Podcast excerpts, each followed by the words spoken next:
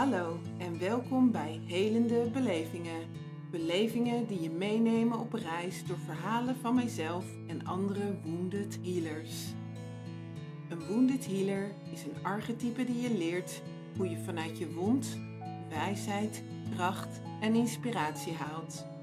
En dit vervolgens gebruikt om anderen te helen en inspireren. Mijn naam is Annemarie Semijn en ik zie mezelf als een wounded healer, een bezield arts en een heler van gesproken en geschreven woord.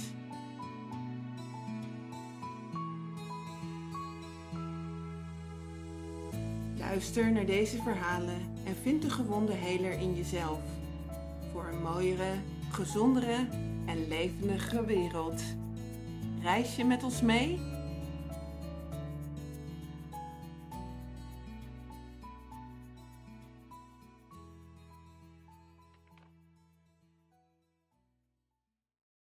Welkom bij deze aflevering, waarin vandaag aan tafel Christo Rombout zit. En zij is huisarts en mind, body en energy pionier. En uh, we gaan vandaag het hebben over onze gezamenlijke achtergrond als huisarts zijn. En de route die we allebei hebben ook afgelegd richting het pionierschap van mind, body en energy medicine. Christel, van harte welkom. Super fijn om jou aan tafel te hebben zitten. Ik uh, volg je al een tijdje ook op LinkedIn en ik ben elke keer enorm gecharmeerd door uh, de manier hoe jij uh, dingen verwoordt, opschrijft, met heel veel nou, precisie om de juiste woorden te vinden. En ja, dat vind ik altijd heel mooi om, om mee te lezen en door geïnspireerd te raken. Dus Dankjewel. Dankjewel dat ik uitgenodigd ben. Ja. Want ik volg jou ook al heel lang. LinkedIn. Wij kennen elkaar van social media heel goed. het is echt heel fijn om elkaar gewoon zo te ontmoeten in Ja. deze, deze setting. Ja, buiten de social media om. Precies. Het heeft toch ook zo zijn functie. Ja. Absoluut. Ja. Ja, die verbinding. Zeker. Ja, en, jij, en we hebben even een voorgesprek gehad hè, voor, voordat we deze ehm, aanzetten, de audio. Ehm, en toen zei jij van, nou, waar kunnen we nou starten? Of toen vroeg ik dat. Toen zei je bij het ziekteproces van mijn man. Ja, daar is een balletje gaan rollen of eh, nou, een kwartje gaan vallen of, of, of hoe je het ook eh, kunt eh, omschrijven. Wil jij, wil jij ons daarin meenemen? Ja, dat was in 2012. Ja. Ik zat in het staartje van mijn huisartsopleiding en mijn man die kreeg een sarcoom in zijn been. Dus die werd ernstig ziek. Ja. Terwijl ik zwanger was van onze jongste zoon. En we hadden nog een kleintje van anderhalf rondhuppelen. Mm. En ik kwam dus in één keer met hem aan de andere, ta- andere kant van de tafel te zitten. Dus wij waren een heel jong gezin die nou ja, iets over zich heen kregen. Wat wij niet zagen aankomen, wat we niet verwacht hadden natuurlijk. Ja. Eh, en ik heb me echt helemaal zitten verbazen over hoe het dan in de zorg gaat. Want ik kende natuurlijk alleen de andere kant als, Ja. als dokter. Ja. Eh, en in één keer ja, ben je als gezin heel erg zoekende van oké, eh, wat nu? En hoe gaan we hiermee om? En wat betekent dit voor onze toekomst? En worden we gezien, worden we echt gezien, zeg maar? Of worden Mm. we alleen fragmenten, wat we hadden heel erg het gevoel allebei alsof alles maar draaide om die tumor. Mm. Het was de tumor, de tumor, de tumor. Daar ging alle, alle aandacht heen. Ehm, dus alle aandacht ging naar het been, maar niet naar, het was in zijn bovenbeen. Wat betekent dat voor zijn vruchtbaarheid? Wat Mm. betekent dat voor onze toekomstplannen? Wat betekent voor zijn overlevingskansen? Dus ik werd heel erg ge- geconfronteerd met de gefragmenteerdheid van ons zorgstelsel. Ja. En hoe alles gericht is op overleven. Ehm, en niet, nou ja, niet weinig werd er gekeken naar, oké, en, en hij als mens dan, hoe ziet zijn Mm. toekomst daarna eruit? En, en ik als zijn vrouw, hoe ziet mijn toekomst eruit en onze kindjes? Mm. Ehm, dus dat kwam op dat moment echt heel hard binnen. En wat natuurlijk een enorme spiegel ook gaf met, oké, maar en, en hoe doe ik dit dan? Ja. Ja. Want de dag daarna, na zo'n diagnose, nou ja, niet meteen de dag daarna, wel de week daarna, zat ik weer tegenover patiënten. Mm. Dacht ik, oh, maar ik doe precies hetzelfde. Ik ben gefragmenteerd naar onderdelen van een patiënt aan het kijken en ik ben bezig met hun overleving. Ja, en dan ga je worstelen. Mm. Ja. Ik in ieder geval wel. Ik, ging daarvan worstelen. Ik dacht, oh jezus, is dit wat ik de komende 40 jaar wil? Om Mm. op deze manier met mensen te gaan. Ja. Eh, en op deze manier dus ook eh, in mijn visie nu beperkte geneeskunde aan te bieden. Hè. Ja. In één keer krijg je dan ook zo ontzettend in beeld hoe een cardioloog echt ontzettend ervan overtuigd is dat een statine ontzettend goed voor zijn hart- en vaatziektes is. Ja. Maar doen we eigenlijk ook wel onderzoek naar wat het betekent voor iemands brein of voor Mhm. iemands welzijn of zijn kwaliteit van leven. Dus daar begon echt zo dat veld te openen naar het gefragmenteerdheid Ja. waarin ik werk Ja. te, en werk. Ik Ja. ben toen nog steeds huisarts. Ja. Ja. Ehm, en, en hoe verhoud ik me daartoe? En, en Ja. waar zit de spiegel van zo binnen, zo buiten? Ja. Daar zit natuurlijk gewoon een spiegel in. Ja. Ik werk zo, oké, wat zegt het over mijn gevraagd? Ja, ja, precies, ja. Ja, dan wordt het ook spannend. Ja. Ja, ja. Nou, ik herken, eh, ik herken natuurlijk diezelfde eh, zoektocht in ehm, een brein van mezelf die best wel divergent is. Dus ik zag het grote plaatje, het grote geheel, ehm, in die tien minuten tijd, waarin je gewoon echt voelde van, oké, iemand komt inderdaad voor eh, een plekje op zijn arm. En dat zou in, in theorie zou dat een, echt een vijf minuten consult kunnen zijn, want je schrijft een zelfje voor en die ander loopt de deur uit. Eh, en ik wist er toch altijd weer 15, 20 minuten Herkenbaar. omdat je dat zo in het verhaal en dan ook gaat voelen. En waar, waar zit het hem dan? Of hoe- hoeveel last van heb, heb je ervan? Of weet ik veel wat ik er allemaal bij kon halen. En dat je dan ook inderdaad dat hele plaatje of het hele mens zijn eh, erbij pakt. Maar dat is als huisarts gewoon geen doen. Met 30 patiënten op een dag. En ik herken het ook toen ik eh, bij de VU als, hu- als huisarts-docent werkte. Eh, toen gaf ik eh, les aan de tweedejaars. En zij kregen nou, een blok stresssysteem en ze kregen een blok immuunsysteem. Ja, en het waren gewoon eigenlijk twee aparte blokken van zes weken. Maar de koppeling daarin werd niet gemaakt. En ik weet nog dat ik toen als docent gewoon echt wel open vroeg van maar hoe zit dat dan als je het stresssysteem en het immuunsysteem samenvoegt? Ja, wat gebeurt er dan en wat schrijf je eigenlijk voor hè, met die corticosteroïden? En wat, wat doen we dan echt op dat stresssysteem wat we eigenlijk inzetten als het immuunsysteem iets doet aan ziekte? Nou, ik heb echt nog, niet, no- nog nooit zoveel blanco gezichten gezien. En dat ik me ook realiseerde hoe gefragmenteerd het al in het tweede jaar is. Waarin je dus leert over het stresssysteem en alles leert over het stresssysteem. En je leert iets over het immuunsysteem en alles over het immuunsysteem. Maar de koppeling wordt niet gemaakt. Ehm, maar iedereen is ziek met kerst. Dus ik vroeg ook, hoe komt het dat jullie ziek zijn met kerst? Met het ka- kader van ehm, eh, examens doen. En eh, hoe zit dat dan? Als je heel veel stress hebt voor die examens en het valt weg. En je bent dan met kerst twee weken vrij. Wat gebeurt er dan in je lijf? Ze vonden het rete interessant. Maar daar kregen ze geen les over. Het kwam ook niet op hun examens. Ja? Dus dan had je ook een paar ehm, ja, niet zo geïnteresseerden die zeiden: Ja, dit is dus geen lesstof. Krijgen we dit op ons examen? Weet je, wil ik dus niet weten. Ja, maak het ook ja. nog moeilijker alsjeblieft. Ja, precies. Maar het is al zo ingewikkeld. Ga jij er ook nog van alles door, doorheen weven? Dat ik dacht: Oh ja, ja daar, zit, daar zit natuurlijk ook iets in hoe wij worden opgeleid al. Ja, ja en, en echt vanaf dag één natuurlijk. Ja.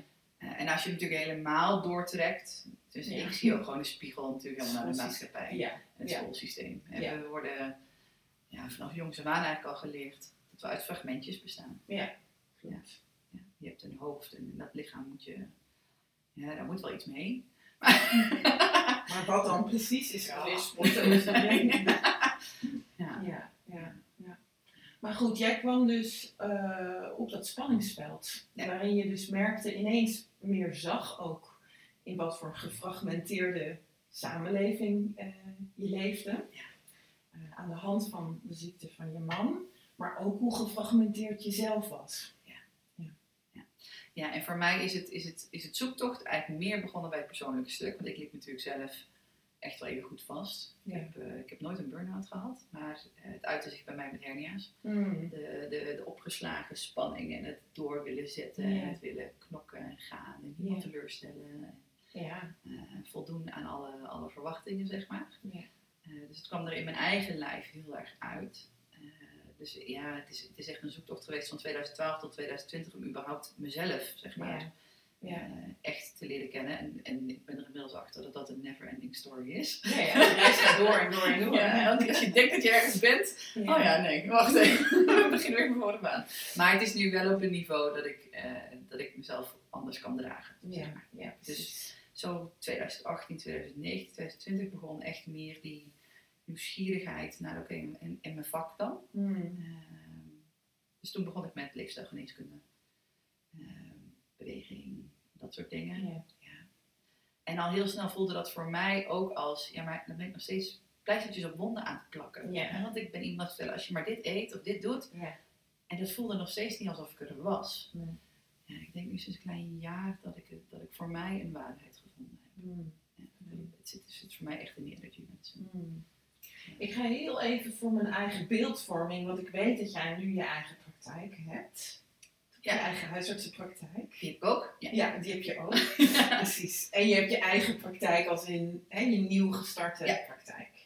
Maar in 2012 eh, was jij nog huisarts in opleiding. Ja. ja? Wanneer, want toen was de worsteling al begonnen. Ja. En gedurende die worsteling heb je toch eigenlijk de stap gezet naar een eigen huisartsenpraktijk. Ja. Hoe is dat gegaan? Ik kreeg van mijn laatste opleider in Ja. 2012, zes weken na de diagnose van mijn man, ik vergeet het nooit meer, Ja. eh, kreeg ik het aanbod om haar solistenpraktijk over te nemen. Hmm. En eh, ik wist meteen, dit moet ik doen. Hmm. Eh, want ik ga nooit, met wat er allemaal in mij gebeurde, me kunnen voegen aan een groep. Ja, precies. Dat gaat niet gebeuren, want ik, ik heb nu al zoveel vraagtekens bij dingen. dus ik, ik wil speelruimte, ik wil, Ja. Wil kunnen bewegen. Ja. En natuurlijk zijn er grenzen binnen het vak. En, en nou, die kwam ik later ook royaal tegen. Ehm, maar ik wilde, ik wilde ruimte. Ja, en de solistenpraktijk voelt voor, voor een heleboel mensen denk ik als benauwd. Maar voor mij voelt dat ook als, weet je, maar dan heb ik wel een bepaalde vorm van regie. Van, Hmm. ik kan het inrichten op mijn manier. Ja. En ik was nog naïef genoeg om te denken eh, dat ik daar wel uit ging komen. Dus ik heb eh 2012, 2013 er ja op gezegd. Ja. Nee, dat duurde nog tot 2017 voordat de overdracht daadwerkelijk was. Dus ik heb Mm. de eerste jaren gewoon als, eh, als, gewoon als waarnemer. Ja, maar wel met de, met de intentie van overname. Dus mensen konden alvast aan jou wennen. Hè? Kon het was al het vaste gezicht voor de toekomst eh, geworden. Ja, en ik begon toen met dingen als familieopstelling en zo. Dat deed ik Mm. ook gewoon op de werkvloer. Dat ik dacht, nou weet je, volgens mij lopen we nu vast met het reguliere. Ja. Laat ik gewoon eens kijken wat ik met die mensen kan. Want Mm. ik kreeg gewoon heel veel vertrouwen van mijn patiënten. Ja. Dus ik ben begonnen met spelen, echt een beetje van, joh, wat moet ik nou met al die onbegrepen klachten of met Ja. GGZ-dingen, wat kan ik nou bijdragen rond 2015? Hmm. En toen had jij familieopstellingen eh, gedaan. Nou ja, dat deed ik op dat moment bij, uh, bij Janneke Ja, dat ik en, ineens zo. Ik kon niet klinken ineens. bij Janneke Robbers en, en Jasper Jobsen. Ja. Daar, eh, Ja. daar is mijn concrete reis begonnen, bij hun twee. precies. Ja, mooi. En die ken ik dus weer van school. Ja. dat wist jij, maar dat weten de, de, de luisteraars misschien niet. Ja, ja bijzonder. Dat ook allemaal weer ver- nou ja, in verband. Ja. Ja, dus jij bent eh, van de huisartsenopleiding eigenlijk naar je eigen praktijk eh, gerold. Ja. dus eh, het gebeurt vaker. Hè, dat mensen in een derde jaar blijven hangen als vaste waarnemer of een overname nemen van, hè, van de praktijk. Eh, je kent de praktijk al, je weet hè, de, hoe, hoe de patiënten zijn, de doelgroep. Ja. Dus een vrij soepele overgang. Ehm, en je zat ook nog in het ziekteproces van je man. Ja.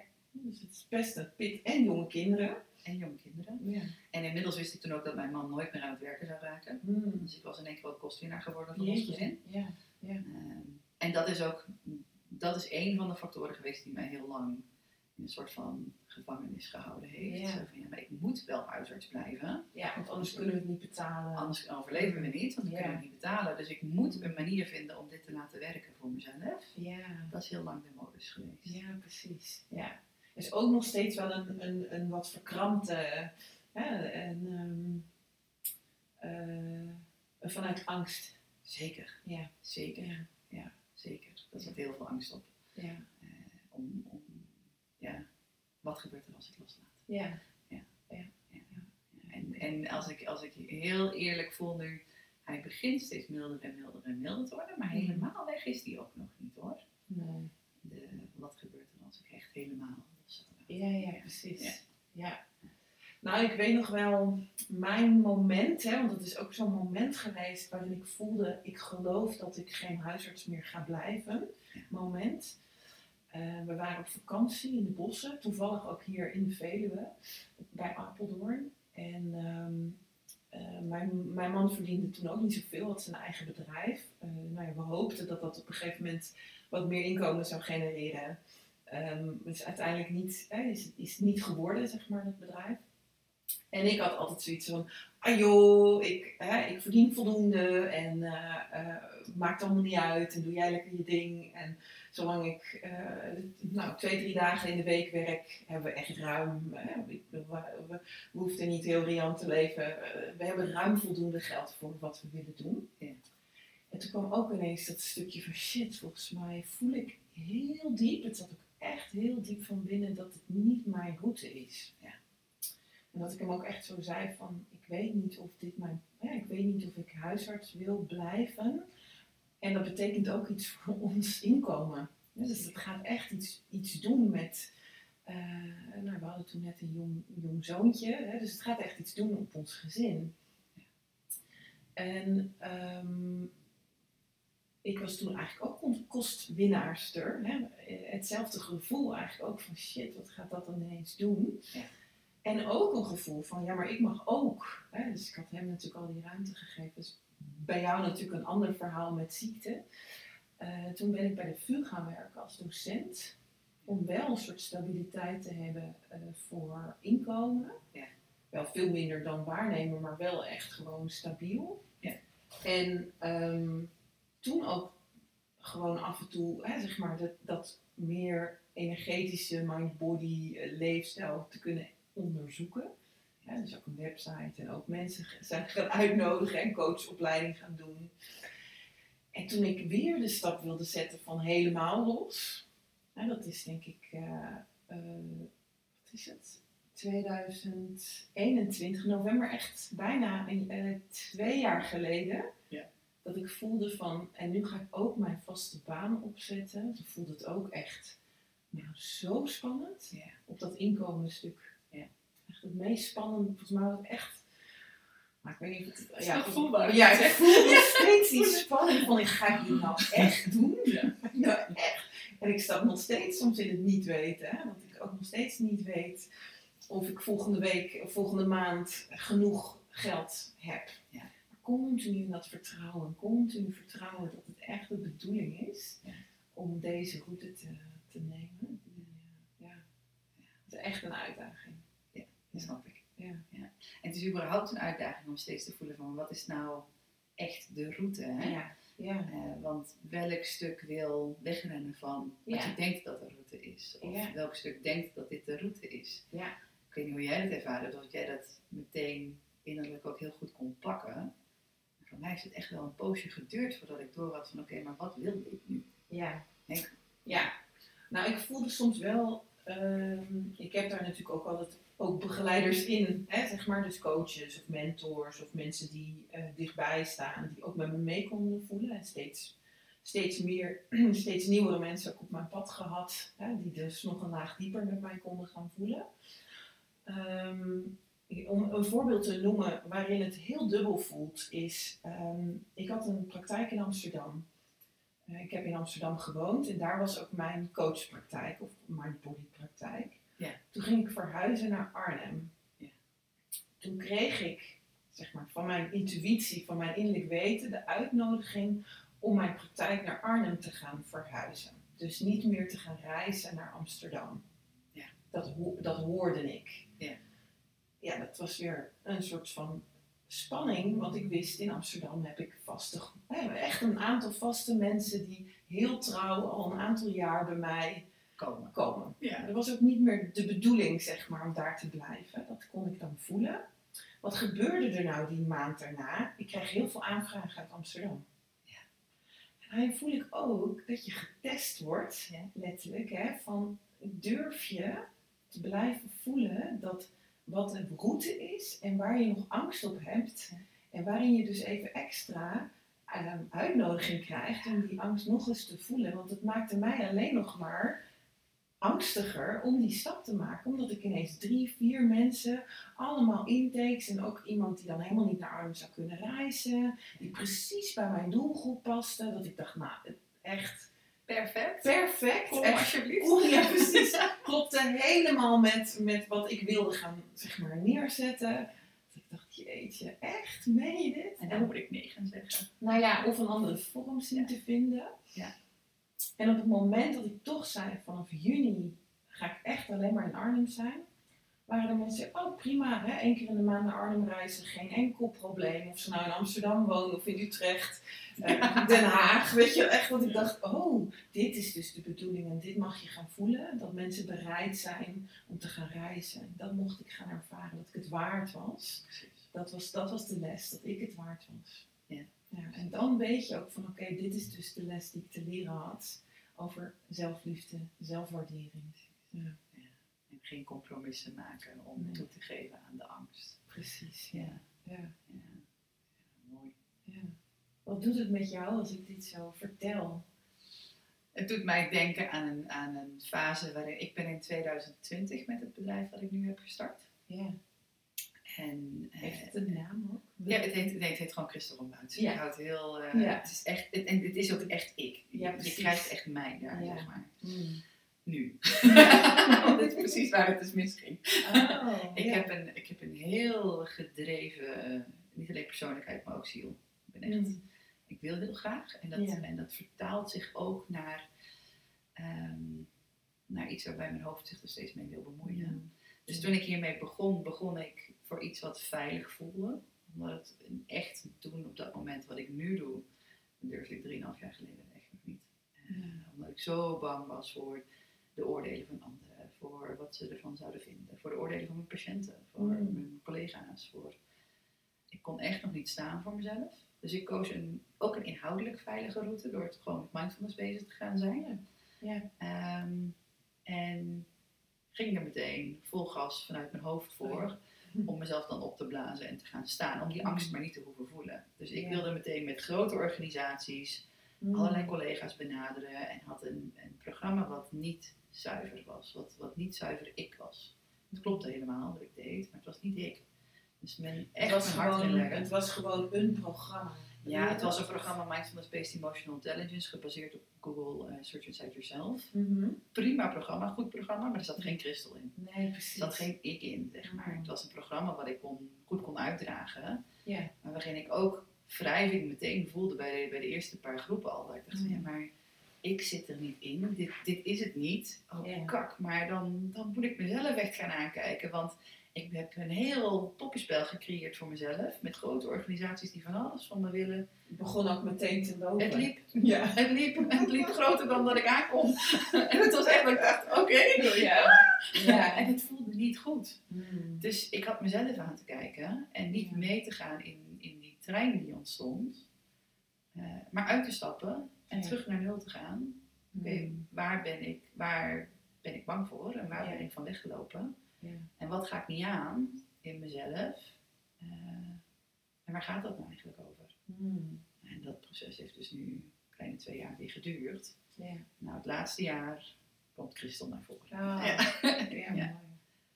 Kun je ons een beetje meenemen in dat proces? Waar, waar, waar liep je het meest tegenaan? Als ik het meteen even helemaal afpel. Mhm. eh, we hebben natuurlijk een beroepsgroep, ik weet niet hoe jij dat ervaart, eh, die nog, als je naar de grote meute kijkt, heel erg een idee heeft over hoe het hoort. Ja. En hoe het hoort is dat je aan richtlijnen houdt en dat je binnen kaders blijft, dat je in je hokje blijft, zeg maar. Ja.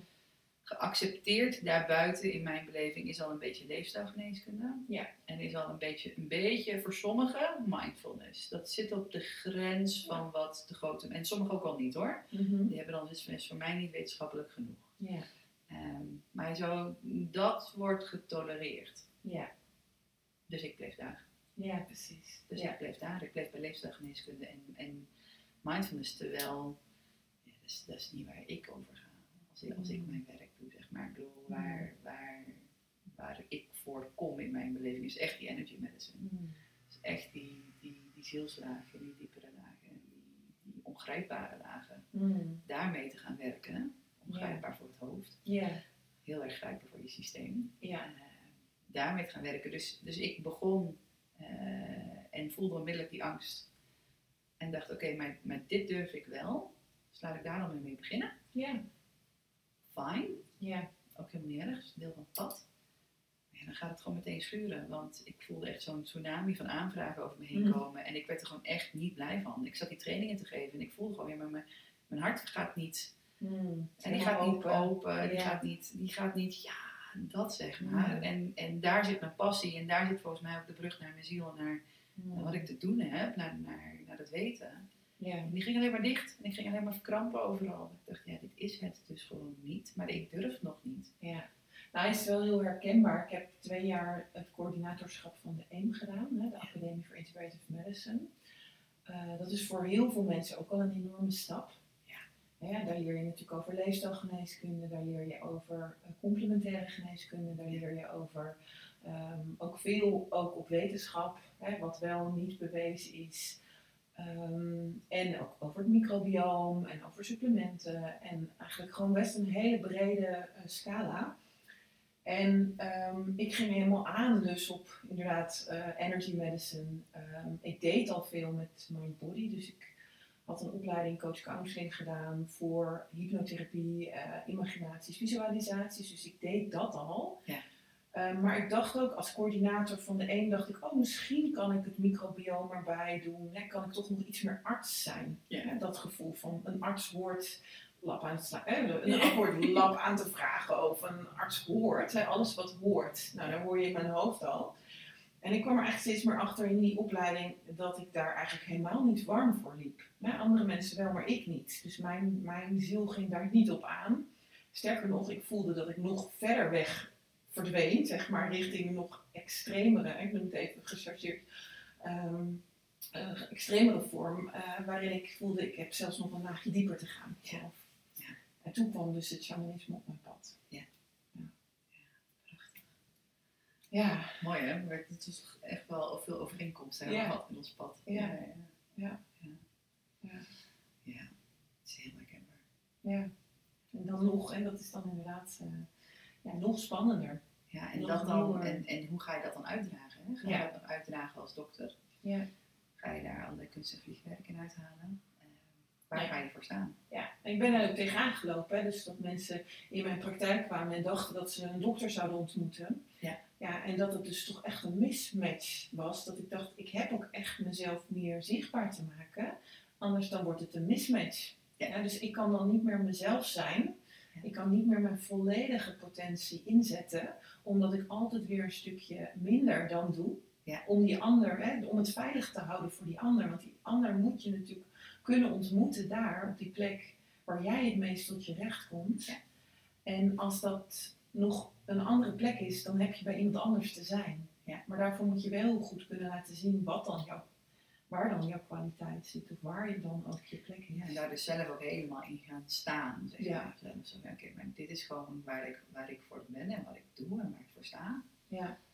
Eh, en, en of dat nou wel of niet verenigbaar is met welke titel of verwachting van een ander, als ik maar ga staan als mezelf, dan vinden Ja. ze me wel. Ja. En dan herkennen ze me wel Ja. ik- voor wie ik ben. Hoe, eh, want jij zegt na een jaar of zo, of deze, dit jaar, is Christel zich aan het uitpakken. Ja. en, en hoe pakt Christel zich, zich uit? wat, wat, wat ontmoeten we, zeg maar, eh, dus dit jaar? Ja, het is, het is, eh, we, zijn, we zijn nu mijn website opnieuw aan het bouwen. Ik had die oude website nog op, dat, op, dat, op die oude format, zeg maar. Ja. En ik merk dat de term die heel erg bleef hangen, waar ik uiteindelijk nog over ga, is dat ik, dat ik energy-led transformaties doe. Hmm. Eh, dus waar mijn expertise echt ligt, is ik zie mensen in al hun lagen vrij snel als ik met ze praat. Dat ik Mm. door heb van oké, maar hier, daar zit nog een pijnstuk, daar zit een pijnstuk, hier zit een masker, daar, tak, tak, Ja, zeg maar. Dus.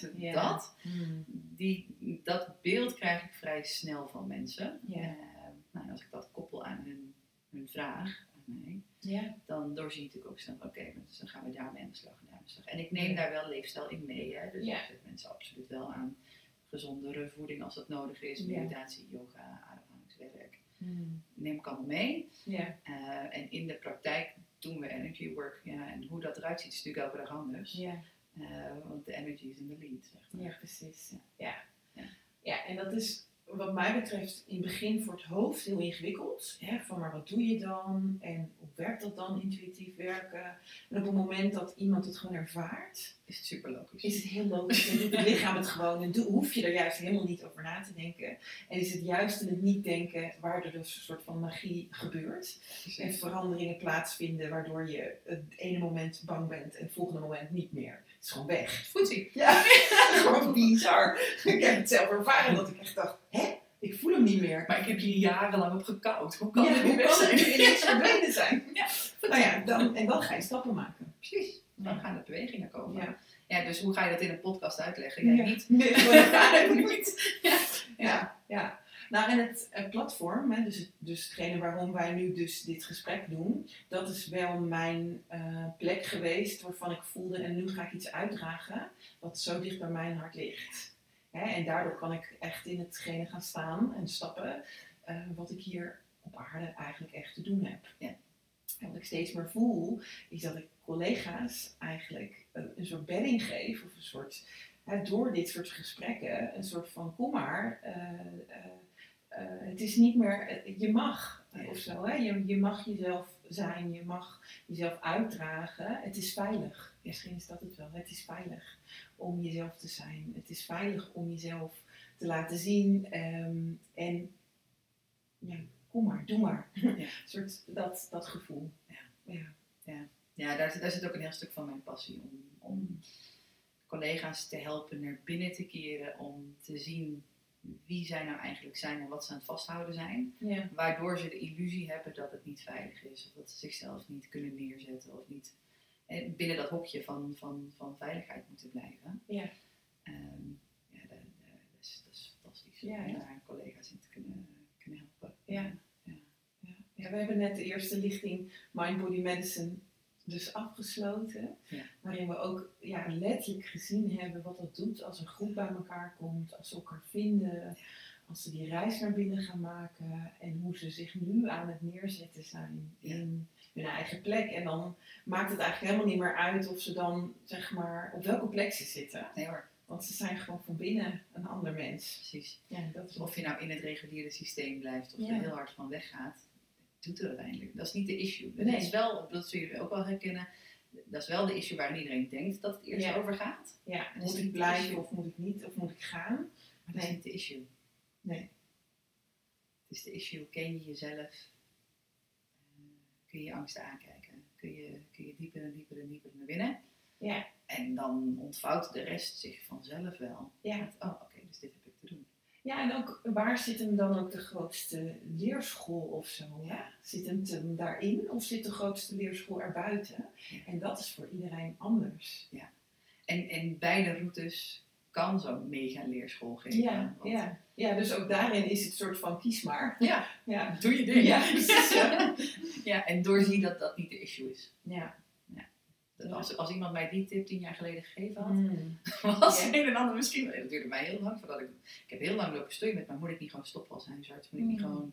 Als ik nou maar wegga bij dat vak, dan. Dan wordt het beter. Mm. Dat was een desillusie.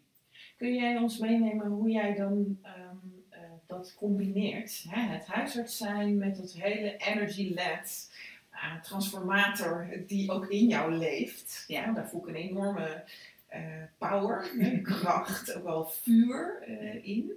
Eh, ik denk zo, hè, zet Christel aan het werk en woef, daar gaan we, zeg maar. Eh, hoe, zeg je, eh, hoe combineer je dat ehm, in een huisartsendag bijvoorbeeld? Weinig. Ja. Nee, ik heb het geluk gehad dat omdat ik een eigen praktijk had, ehm, ik trok het juiste team al vrij snel aan. Dus ik heb echt een, echt een super team in mijn huisartspraktijk. Ik heb echt Ja. een geweldige mensen om me heen. Ja. Die mij ook kunnen zien voor mijn, eh, mijn anders zijn. Ja. En dat kunnen waarderen. Ja. eh, en zich daar juist fijn en veilig bij voelen. En ik heb natuurlijk heel erg geworsteld de afgelopen jaren met oké, en binnen welke grenzen blijf ik? Want ik ben gewoon daar wel huisarts. Ja, Dus precies. Hoe het systeem in mijn hoofd nu werkt als ik op de praktijk ben, als ik op de huisartspraktijk ben, Ja. is dat ik steeds mezelf, met mezelf afspreek, ik begin bij huisartsgeneeskunde. Mm. Dus als iemand pijn op de borst heeft, als iemand hoofdpijn heeft, ik begin met de NHG-standaard, basically, zeg maar, af te gaan in mezelf met, oké, Mhm. zou dit cardiaal kunnen zijn? Ja. Daarna stem ik af op de patiënt als daar iets in zit met, oké, en wat wil je hiermee? Nou, we gaan gewoon alle medicijnen aanbieden, alle, alles doen, zeg maar, wat ik Ja. behoor te doen. Mm.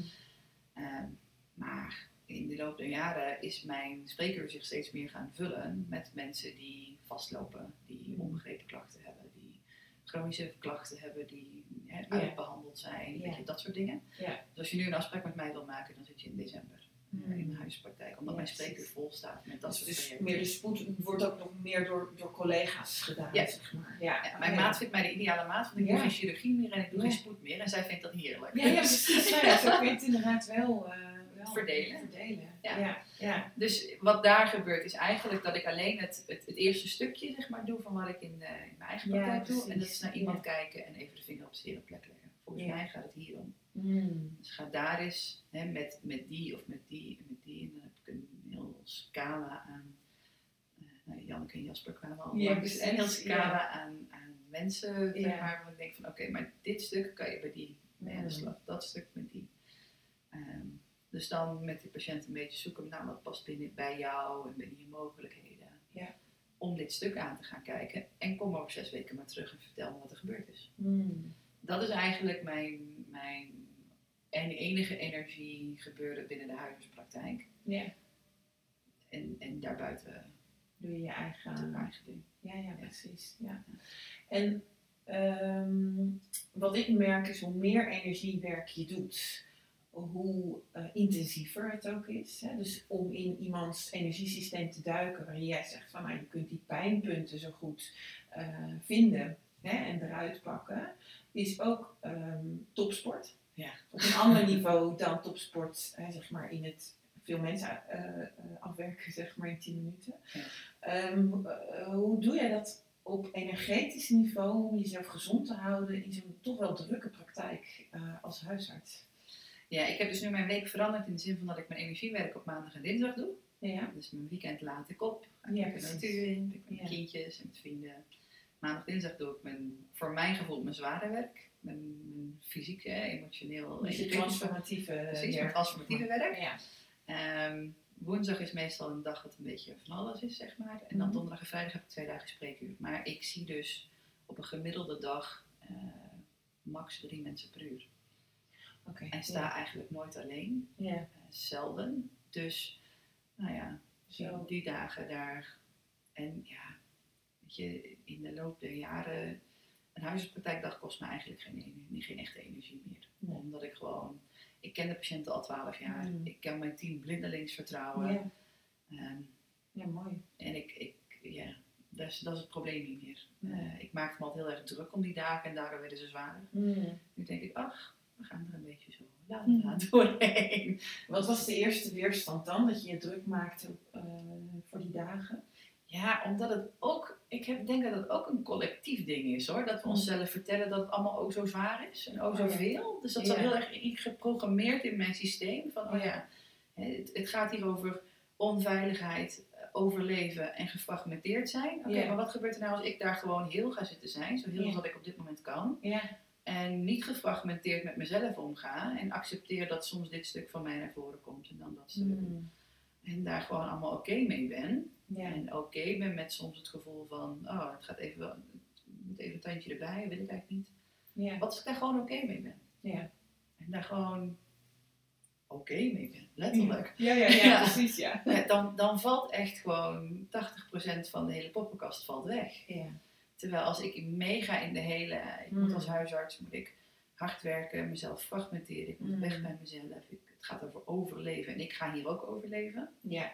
Ja, dan wordt het zwaar. ja, precies. Ja. En dat ging dus veel meer over mijn programmering Mm. dan dat het ging over daadwerkelijk het vak. Ja, ja, precies. Ja. Dus wat heb ik nodig om hier gewoon heel te zitten? Nou, Ja. dan heb ik mijn codependency strategieën aan te kijken. Mm. Dan heb ik, eh, kan ik delegeren, kan ik loslaten, Ja. kan ik vertrouwen.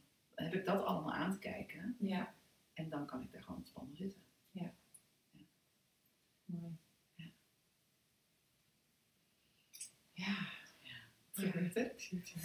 Oh ja. ik. Oh, uh, nee, ja, ik zat te denken van, ik heb dat natuurlijk allemaal wel losgelaten hè, in, mijn, in mijn tijd. Um, er is altijd nog wel een stemmetje in mij die denkt van, uh, had je niet moeten blijven, zeg maar, had je niet moeten blijven. Um, maatschappelijk wordt het ook altijd heel erg zo gezegd van het goed hè, dat je bent gebleven of wat. Nou ja, daar, ik voel dat daar een maatschappelijk oordeel in mij zit dat ik niet ben gebleven. Okay. Alsof daar nog een pijnstuk zit in mezelf. Um, zeg maar een huisarts die er altijd voor iedereen is. Uh, een huisarts die hè, kosteloos me, voor mensen kan zijn. Um, en dat ik daar zelf toen keuzes in gemaakt heb om dat dan wel los te laten. Ja. Um, en nu op de plek waar ik nu ben, voelt het ook echt als het, als het kloppende pad. Hè? Dus dat dat echt ook echt mijn route uh, was. Ja. Um, maar ik voel ook nog steeds wel een stukje pijn vanuit de maatschappij van, oh jij bent die huisarts hè, die het vak verlaten heeft of jij kon dus niet dat stuk, jij kon dat dus niet, hè, heel zijn in die, uh, en dat dat oké is. Ja. Hè, dus dat ik daar dus ook oké okay, uh, ben in mezelf.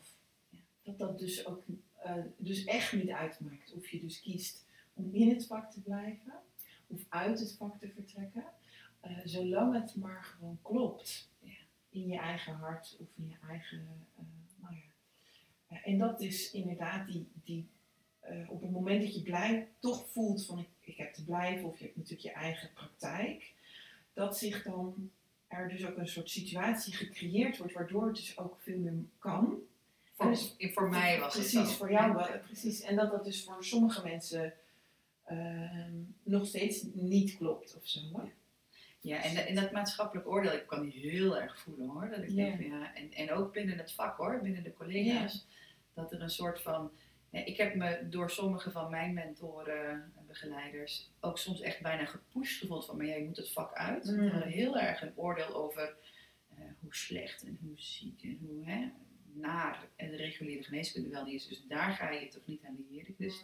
Ga Ja, daarbij weg. Ja, Die push heb ik heel erg al. gevoeld. Ja, ja. En aan de andere kant, als je gaat, Ja, voel je natuurlijk de maatschappelijke, ja, maar hè, je, je bent gegaan. ja, ja, die. Dus ja, linksom of rechtsom, we hebben natuurlijk te, te dealen met allerlei krachten buiten ons op het moment dat we dit soort paden gaan lopen. Ja, Eh, en waar raakt dat? ja. Ja, uiteindelijk als je hem helemaal afbeeldt bij de meeste mensen natuurlijk gewoon op angst voor afwijzing. Ja, maar die. En die- eenzaamheid. Ja, ja, die voel ik. Ja. Maar ik voel ook nog als ik dan terugkijk naar dat ik alleen al de twijfels uitsprak. Ja, dus ik, ik, eh, mocht ik geen coach meer zijn op de huisartsenopleiding. Want stel je voor dat Annemarie eh andere mensen aan het denken zou zetten. Ja. Dus dan voel je al, ja, pijnlijk hè? Ja. Gewoon de afwijzing, terwijl ik was echt, een, ik was een super huisarts, zeg maar. Eh, en ook een eh, hele goede coach. Ja. Alleen het feit dat ik twijfelde aan het vak, maak, werd ik letterlijk aan de kant ge- gezet. Ja. Ehm, en dat was ook pijnlijk. Ja. dus je wordt ook eigenlijk letterlijk verstoten uit, Uit de uit, groep. uit de groep. Ja. En ik denk dat dat voor veel mensen ook daardoor heel moeilijk is om die stap te maken, ook voelen ze in hun hart dat het wel de juiste route is. Hè? Precies. Ehm, ja, dus die voelde ik even. Ja. Ja. Ja, kan ik me ook voelen. Ja. Ja. Ja. Ja, wat een weg hè. Ja. Ja. Ja. Niet raar dat, dat met mensen hier zo lang worstelen met die eerste fases. Hè? Ik bedoel, Nee, ik denk dat dat, als je eenmaal Dit inderdaad keuzes maakt, hè, wat jij ook zei, van mensen weten nu eenmaal die Christel die doet andere dingen of zo. Tenminste, ik kan me voorstellen op de post dat er huisartsen zijn die wel weten dat je andere dingen doet, maar daar maar die ook weten dat ik daar gewoon doe wat ik moet doen. Precies. Eh, ja, dus dat daar oké mee zijn, zeg maar. En sommigen die trekken dan eerst eens heel erg naar mij toe. Van, hé, maar vertel eens Oh ja. wanneer. Ja, precies. En anderen zie ik echt met een boog omheen. Zo van, nou ja, het zal wel. En daar kan je dan ook mee- oké mee zijn, Deels. deels. Ja. Deels. Of, of raakt het je ook wel? Ja, natuurlijk raakt. Ik bedoel, ik denk dat voor mij is het stuk eh, angst voor afwijzing, angst voor eenzaamheid, zal iets zijn wat ik nooit, heb ik niet de illusie, kwijtraak. Dus iets waarin ik mezelf mag dragen, waarin ik zorg mag hebben voor mezelf. Ja. Ehm, maar dat is onderdeel van het pionierschap zijn. Ja. bedoel, dat, dat heb je te nemen. Ja. Eh, en dat weet mijn hoofd. Ja. en dat weet mijn hart ook al ja. grotendeels. Maar toch als het zo in your face oh, is. Ja, dan doet het gewoon zeer. Ja. Dan doet het gewoon pijn. Ja. Ja, dan is het gewoon... Gaan met een hoofdletter. Ja, ja. dat is gewoon zeer op dat moment. Want ja, weet je, je weet ook als je, als je dit pad gaat lopen, waar dit pad begint. Hè? Dit, dit, dit zijn over het algemeen, dat zie ik bij jou ook, dit komt vanuit zo'n pure plek. Ja. En vanuit zo'n diep verlangen om, om iets puurs en iets authentieks en iets echts en dus iets moedigs ja. de wereld in te brengen. En nou, dan krijg je even wat energetische klappen om je oren. Behoorlijk.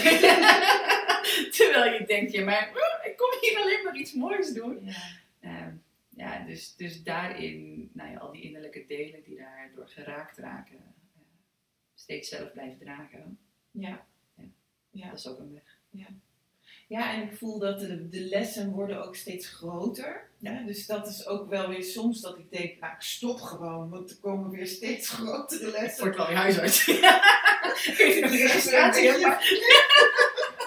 maar meer dat je soms denkt, oh ja, als je niet begint aan dit pad, hè, dus als je niet ja zegt tegen um, nou, dat pure stukje in jezelf die zegt, hé, hey, je hebt te gaan of hé, hey, je hebt hierin iets te leren. Als je gewoon zegt nee, hè, dan, dan kun je uh, daar lichamelijke klachten of weet ik veel wat aan overhouden. Maar als je ook daar nee tegen zegt, dan blijf je toch redelijk in dat stuk soort van rondcirkelen. Nou, de klachten kunnen erger worden, je kunt nog meer last krijgen. Maar dat kan zeker ook wel, hè, zeg maar, de, de kool kan steeds dieper gaan. Ja. Maar ik merk ook als je ja zegt tegen de lessen, ja. dan is het ook niet zo van nou, is klaar. Hè, en dan is het klaar. Nee, dan worden de lessen gewoon uitgebreid alsof je naar hè, de middelbare school gaat. Zo van oké, okay, je hebt de basisschool afgerond. Nou, nu gaan we naar de universiteit. zeg maar energetische universiteit. Um, maar het wordt wel steeds lichter. Of zo. Het wordt wel steeds speelser. Ik weet niet of jij dat herkent. Uh... Nou, ik weet dat. Ik moet denken aan een opmerking. Ik was bij, uh, bij een van mijn mentoren en die zei: Maar Christel, je moet er echt in elke cel van je lijf moet je er klaar mee zijn voordat je naar de ja gaat bewegen. Mm. En ik was er wel 80, 90 procent klaar, maar. Dus ik kreeg weer lichamelijke klachten en ik zei oh, ja. nog geen helemaal ja. ja. Ik merk wel, nou ik verder ben, zeg maar, nou ik een paar keer ja gezegd heb, ja. dat je wel makkelijker die switch kunt maken. Ja, de lessen worden groter, maar het vertrouwen en die overgave wordt ook een soort spier wat je kunt ja. trainen. Zo ja, die herken ik ook. Oké, ja. oké, okay, oh, dan gaan we weer. Hier zijn we geweest. Oké, okay, ik doe het wel. Ja. Ja, dus, dus ja, ze worden groter. Ja, de innerlijke krachtvelden kunnen af en toe echt wel, die worden pittiger. Ja. Um, en je kunt sneller herkennen. Ja, klopt. Oké, wacht even, maar dit spelletje ken ik. Ja, nee, die herken ik ook. ja. ja. Dat je ook veel sneller denkt, oké, okay, maar wat is dit? Wat gebeurt hier nou eigenlijk? Wat is hier nou de les? Of kan het ook gewoon loslaten? Ja, precies. Ja. ja. Dat dramaverhaal zit ik nu weer met mezelf uh, te houden. Ja, nee, dus uh, ja, mooi. En veel gelijkenissen ook. Veel herkenning, veel... Uh, ja, als ik je ook hoor, ook over die, eh, dat je zo pingpongboom zeg maar ziet waar het hem in zit, waar het hem in de kern uh, in zit, dan herken ik dat eigenlijk ook wel heel goed. Ja. Dat vind ik ergens ook wel waarom je voor het vak huisartsgeneeskunde of zo hebt gekozen. Hè? Dat is ook ergens zo'n kwaliteit van ja. huisarts gewoon heel veel kunnen zien. Hè? Precies op de juiste punt plekken in, in de korte tijd.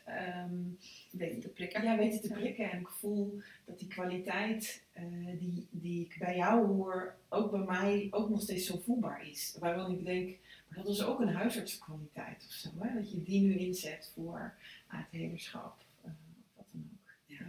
Ja. ja. Um, jij bent nu ook retraites aan het, uh, aan het doen. Ja. Uh, is de, kun je ons meenemen naar wat, wat uh, nou, de kristal die nu zo de aankomende tijd zich aan het ontvouwen is? Uh, de grap is, dat weet ik zelf ook niet. dat is ook zo. Hier en nu. Nee, en ik heb zelf momenteel, ik heb een, uh, ik heb een, een coach nu zelf. Ja. Die mij ook echt tot, het, tot, tot, tot mijn uiterste kan drijven. Mm. Ik had je al even geappt ook voordat we deze podcast ging opnemen. Van oh, vorige week is er echt weer zo'n zo'n enorme masker afgevallen. Mm. Dit is iemand die gewoon echt elke paar weken zo maar Klap. Ja, precies. Energetisch. Ja, ja, ja, die heb ik ook. ja, dinsdag zei die, zei die letterlijk, nou, je ziet er behoorlijk uitgewoond uit. Ja, zo voel ik me ook. Ja. Dus, um, ik weet niet waar het heen gaat. Mm. En, en, ik, en het is helemaal oké. Weet je, wat ik weet is dat, er, dat ik eh, heel veel toffe één-op-één trajecten heb. Fijn. Uh, Ja. met PA's, met eh, huisartsen, Mm. maar ook gewoon met cliënten die, die patiënt zijn en die, Ja. die uitbehandeld zijn. Ja. Ehm, en er komt een retraite aan in november. En, en nou, het kan bijna niet anders dan dat daar meer edities van gaan komen, Ja. want die wachtlijst die stroomt heel snel vol. Ja. En die drie dagen gaan we energy-led werken. Dus er zijn eh, de deelnemers die, eh, nou, die zetten zelf in het veld van nou, hier zou ik een stap in willen zetten. Ja. Eh, en wij volgen wat daarvoor nodig is. Mooi. Dus weet je, dat, dat gaat in november komen. Ehm, ja, en als ik, als ik zelf zo voel over volgend jaar, dan denk ik, oh ja, dit is, ik, ik sta echt zo aan het startpunt van, van die beweging. Ja. Het voelt voor mij nog steeds alsof het allemaal in de kinderschoenen staat. Hmm. Zo ergens hoor ik je ook wachtlijsten, hè, zeg maar. Dus de, Ja. de, de beweging is al enorm jouw kant aan het eh, gaan. Zelfs nog groter dan dat je nu eh, aan kan bieden. Ja. Ja. Hmm. Ja, en, en het stuk wat ik op dit moment met mezelf aan het uitvigileren ben. Ik heb natuurlijk een praktijk alleen gehad, Ja. in mijn eentje. Ehm, en daar de voor- en de nadelen van gevoeld. En gevoeld hoe dat ergens bij mij past. Want dan kan ik mijn stroom en mijn flow pakken. Ja. Dan kan ik, kan, kan ik vliegen op mijn tempo, zeg maar. En ergens ook die, die eenzaamheid daarvan gevoeld. Hmm. Dus het stuk waarin ik zelf nu heel zit te voelen is oké, maar... Dus, dus ik ben nu iets aan het neerzetten in mijn eentje. Ja. Ik zit Oh, niet ja. bij de een. Ik zit niet Hmm. bij... Ik heb me niet bij allemaal van dat soort dingen aangesloten uiteindelijk. Ben ik wel aan het overwegen. Ja. dan toch. En volgens mij gaat dat uiteindelijk veel meer over... ehm, ergens gaat dat over die angst voor eenzaamheid. Hmm. Eh, en, en kan ik het allemaal wel echt ook alleen? Wil ik het allemaal wel alleen? Eh, Is ook de bedoeling om het alleen te doen? Ja. ja, Mm. dus dat ben ik wel ook voor mezelf. Dat, dat speelt, dat suddert op de onderlaag. Dat ik denk, Mm. oh, maar waar is dan... Ik bedoel, mijn huispraktijk heb ik echt mijn tribe gevonden. Die mensen die ride or die. Ja, ja, precies. Waar is mijn tribe in, in, in dit stuk, zeg maar. Mm, En, ja. en, en met wie gaan we van één op één drie maken? Ja, ja, ja. Want mijn huispraktijk voelt het echt alsof we van één en één... Ja, daar hebben we echt, een, echt het heerlijke aan. Ja. Ehm, en ik wil het eigenlijk met deze praktijk, omdat ik denk van oké, ik ben nu iets in, in motion aan het brengen. Mm. Ik ben human design en manifester. Ik kan Ja. het echt wel voelen dat ik aan kan zetten. Ja. Eigenlijk wil ik ook gewoon hierin een, een, een tribe met wie ik gewoon samen Ja. iets tofs kan neerzetten. Ja. Dus ik ben dat in mezelf aan het, aan het, aan het uitstoeien van oké, Ja. welke stroom ga ik daarin pakken. Ja. En dat zal 2024 bepalen. Ja, Ja. Ja, ik herken het stukje eh, waarin ik dus ook als e- e- eenmanszaak ben begonnen in mijn eigen praktijk. Hè. Eén op één, af en toe groepsdagen. Ja. Af en toe met mensen samen groepsdagen. Ehm, eh, die groepsdagen was nog best hard trekken. Of trekken en daar voelde ik ook al, dat klopt niet helemaal. Dus heeft een andere vorm nodig. Ja. En toen het platform kwam, toen ging het ook echt stromen. Omdat ik toen echt, mensen kwamen op mij af. Ja. Die gewoon klikten met, zeg maar, dit stuk. Ja. Met dat energetische, het oerwijsheid. En dan ontmoet je ineens mensen die dezelfde één op één praktijken hebben, waarin je dan een soort netwerk gaat voelen en elkaar gaat healen, hè, waardoor je elkaar ondersteunt en ehm, we het allemaal samen doen. En dat, je, ook- dat ik ook nu voel van, ehm, ik zou ook niet eens meer willen om in mijn eentje voor een groep te zi- zitten of zo. Ik zou het niet eens meer willen. Met een, met, een, met een duo of een trio is het zoveel leuker. Oh, ja, jouw post ook op LinkedIn over Simone en Marieke. Oh ja. wat ik bedoel? Ja, Zo van, Nou, ja, dat. ik was geraakt en, ik, en ik, toen dacht ik echt, ja, en dit is Dit dus is het. precies waarvan ik denk, oh Ja. ja, dat wel. Ja, Ehm, en er zit een andere kant aan en die niet. Ja precies. Ja. Dus het is mooi weer dat, dat je daar, jij daar je weg al in gevonden hebt. Ja. Ja oké. Nou, wat ik wel leuk vind om ook te delen, eh, omdat het natuurlijk dezelfde zoektocht is in hoe ga je nou eh, om met eh, zelfzorg en voor groepen werken. Hè? En ga je niet in dezelfde valkuil stappen van te hard of te stoer. En wat ik merkte, eh Marieke Simone en ik zijn natuurlijk die Mind Body opleiding met z'n drieën gestart. Ja. We zijn super complementair aan elkaar. ehm, allemaal onze eigen, echt gewoon unieke kwaliteiten en respect voor ons anders zijn. Ja. Dat ten eerste. En we hebben ook een tijdje gezegd van, nou, op een gegeven moment kunnen we dat misschien wel met z'n tweeën doen. Uh, hè, want dan hebben we het een paar keer gedraaid en dan kunnen we het een beetje afwisselen. En wat we nou in die eerste lichting ervaarden was hoe heerlijk het was om met z'n drieën te zijn. En dat als iemand zich verslaapte, versliep, dat er dan nog steeds twee mensen waren. Die konden die gewoon zich niet eenzaam voelden, want er waren er altijd twee. En ik heb de eerste periode was mijn vader overleden, waardoor ik wat meer op de achtergrond zat. En toen konden Marieke en Simone de groep dragen. De laatste fase uh, was, ging Marieke door een moeilijke fase heen en toen konden Simone en ik het weer oppakken. Dat wij ook echt zeiden, wij moeten het niet met z'n tweeën gaan doen, want er komt die eenzaamheid weer om de hoek kijken. Want er hoeft maar één iemand dan even verslapen te zijn en je staat alleen voor zo'n groep. Ja. Met docenten en mensen die thee komen halen. En ik ervaarde hoe heerlijk ik het vond om de groep welkom te heten. Hè? Dus ik was echt dat bijtje die door die groep heen danste. En Marieke en Simone zaten soms wat meer in de techniek en de docenten weer welkom te heten en de stoelen. En dan deed ik weer wat met die stoelen. Dus het, het, het, het bijenvolk, om het zo maar te zeggen, ging zich zo helemaal voegen, zodat we ook allemaal ons ding deden en dat het klopte. En toen dacht ik ook, de valk vanuit het hoofd is van ja, maar het zou toch met z'n tweeën moeten kunnen. En we draaien het ook eigenlijk met z'n tweeën. Maar er hoeft inderdaad, moet maar een zware dag zijn. Je bent super blij dat je gewoon met z'n drieën bent vanuit het stoere stuk van nu kunnen we het wel. Ja. Het gaat niet om kunst. Wat wil je? Ja, wat, voed, wat is voedend? Wat is voedend en wat is plezierig? En hoe houden we het ook op de lange termijn vol, zodat we niet over drie jaar zeggen. Ja, nee, nu ga ik weer wat anders doen. Stekker eruit. Stekker eruit, dit, ja. Dit, dit, dient mij niet meer. Nee, nee precies. En een voorbeeld voor de collega's om te zeggen, nou, wij zorgen ook voor onszelf. we zijn er ook voor onszelf, zodat we jullie kunnen laten zien hoe het is om weer voor jezelf uh, te zorgen. Ja, geweldig. Ja. Ja. ja, dat is fantastisch. Ja, ja. Dus dat, nou ja, dat, dat is denk ik ook waar jij naartoe wilt groeien. Zeg dat, dat is waar een verlangen zit. Ja, ja, dat is zeker waar een verlangen zit. Om, ja.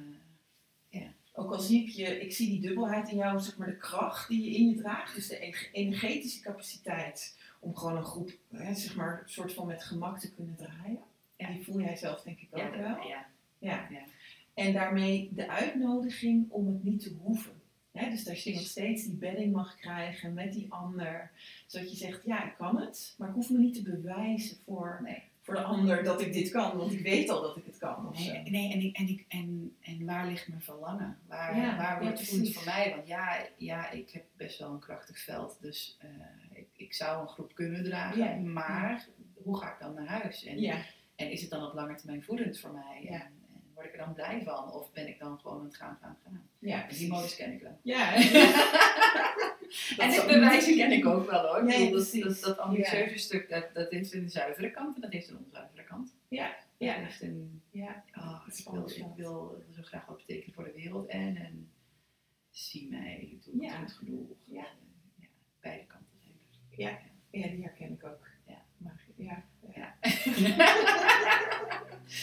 Ja. ja. Ja, mooi. Ik had al zo vermoeden dat als we hier zo zitten, dat we dachten, oh, oh joh. Ja, nou gewoon heel veel gelijkenissen. Ja. Ja.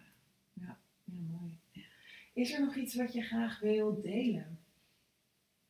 Nou, ik merkte net dat toen je aan het vertellen was zo over dat ik denk, jeetje, dat wil ik eigenlijk nog naar me delen. Wat een, wat een innerlijke buiging ik aan het maken ben voor jouw pad. Mm. Als ik hier zit en voor jouw grootheid. Dat ik denk, oh, je hebt echt de rauwe stukken al doorleefd, zo te voelen.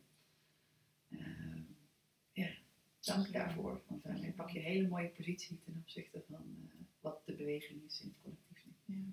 ja. Het raakt me ja. dat je dat ziet. Ja, ja. ja dankjewel. Hmm. Ja. Het is een uh, moeilijk, prachtig, machtig, maar ook eenzaam pad soms. Ja. En het, het grootste cadeau is dat die eenzaamheid nu steeds meer doorbroken wordt. Ja, ja wordt. Steeds minder. Ja, dat is fijn. Ja. ja. Dan heb ik ook nog een mooi cadeau voor jou. Na dit uh, ah, geschenk van jou. Mijn kant op. Is uh, een paar woorden. die ik vanochtend ehm, in beeld uh, naar me toe zag komen toen ik zei ik wil wat schrijven. Mensen zeggen soms wel eens, hoe doe je dat dan? Hè? Hoe schrijf je dan van tevoren? Uh, nou, dan stem ik af op jou of soms gebeurt het gewoon, want mijn energieveld weet al dat jij eraan komt. Ja. dus gisteravond kreeg ik al beelden. en uh, en het, het, is dus een verhaallijn die ik dus eigenlijk met mijn derde oog zie. Alsof ik een visualisatie doe, maar dan met mijn ogen open. Die het verhaal vertelt, wat ik dus mag opschrijven. Zo, zo, zo voor de mensen die luisteren, zo schrijf ik dus dingen op. Ja. Nou, lieve mooie vrouw, oermoeder en godin. Als een marktkoopvrouw sta jij achter je kraampje. Met allerlei heerlijke snuisterijen, diverse soorten, kleuren, geuren en maten. En soms kijk je ernaar trots over de diversiteit die jij biedt. En soms kijk je wat verdwaasd en onzeker naar je buren en vraag je je af of je wel het juiste verkoopt. Zij zo stellig en actief en jij wat bescheidener en op de achtergrond. Maar je ziet, voelt en ervaart aan de mensen die bij jou komen kopen. Hoe rijk het hen maakt. Hoe duurzaam jouw waar is. En dat maakt dat je weet dat dit is waar jij achter staat. Dit is jouw koopwaar. Jouw kwaliteit. Jouw kleuren. Jouw geuren en jouw zijn. Heel liefst. Dank. Prachtig. Hm. Ja. Ja. Spot on. Ja. ja. En dan is dit het einde van onze prachtige aflevering. Ja, ja, we kunnen altijd nog een keer bij elkaar komen. En zeker ook als er vragen zijn hè, aan jou of aan mij. En het kan vice versa. Ik zie dat veel afleveringen, zeg maar, waar ehm, eh, nou, iemand te gast komt, ook weer een nieuwe ontmoeting is met mij. Hè? Dus het is een ontmoeting met jou. Het is eigenlijk een soort menging van de mensen die mij kennen en de mensen die jou kennen, die elkaar dan ineens ontmoeten. Dus dat is altijd heel bijzonder in zo'n aflevering. Maar als er vragen zijn over deze afleveringen, zijn ze altijd welkom om die eh, te stellen aan een van ons. Top. Dankjewel. Dankjewel.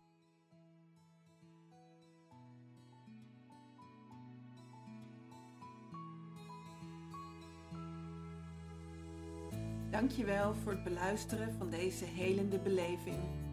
Via een ander heb je de mogelijkheid jezelf weer te ontmoeten je lichte, maar ook je donkere kanten liefdevol te onderzoeken. Zoals een echte wounded healer zou doen. Zacht voor je emoties, maar niet blijven hangen in het slachtofferverhaal. Door te kijken naar waar je weerstand, resonantie of emoties ervaarde. Laat dit verhaal in je landen. Zak in jezelf en ga voelen wat het laat zien over jou de aankomende tijd. Als je veel geraakt wordt in dit thema, beluister de aflevering dan vooral nogmaals of neem contact op met het platform. Zij heeft een team van wounded healers aan haar zijde en is continu aan het groeien en ontwikkelen. Hou dus vooral ook het platform in de gaten voor meer aanbod. Wil je een eigen helende beleving ontvangen in woord? Kijk dan ook op het platform bij Helende Belevingen. Zo kun je ook het platform en alle ontwikkelingen steunen. Vond je dit mooi, zinvol, intens, nuttig of prachtig om naar te luisteren?